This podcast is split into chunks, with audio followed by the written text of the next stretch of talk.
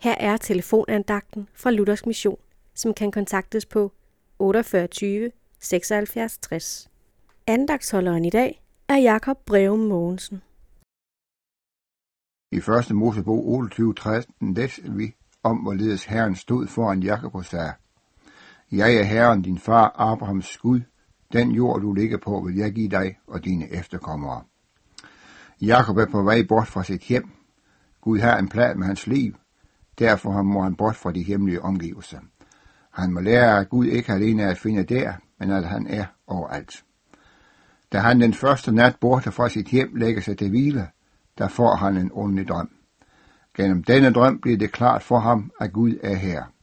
Det er en stærk oplevelse, men samtidig er det et forundet vidnesbyrd om, at Gud ikke er afhængig af tid og sted, men han er overalt. Der var mange ting i Jakobs liv, der ikke var ret. Han var natur, snedig og beregnende og et selvisk menneske, der var optaget af at opnå fordele på andres bekostning. Men i livets skole og under Helligåndens arbejde bliver han om side forvandlet fra en Jakob til en Israel. Det er et stærkt vidnesbyrd om Guds trofasthed. Jakob var den udvalgte, og Gud slog ikke hånden af ham, på trods af hans mange fejl. Derfor er det også trøst og hjælp for os at hente ved at betragte denne beretning.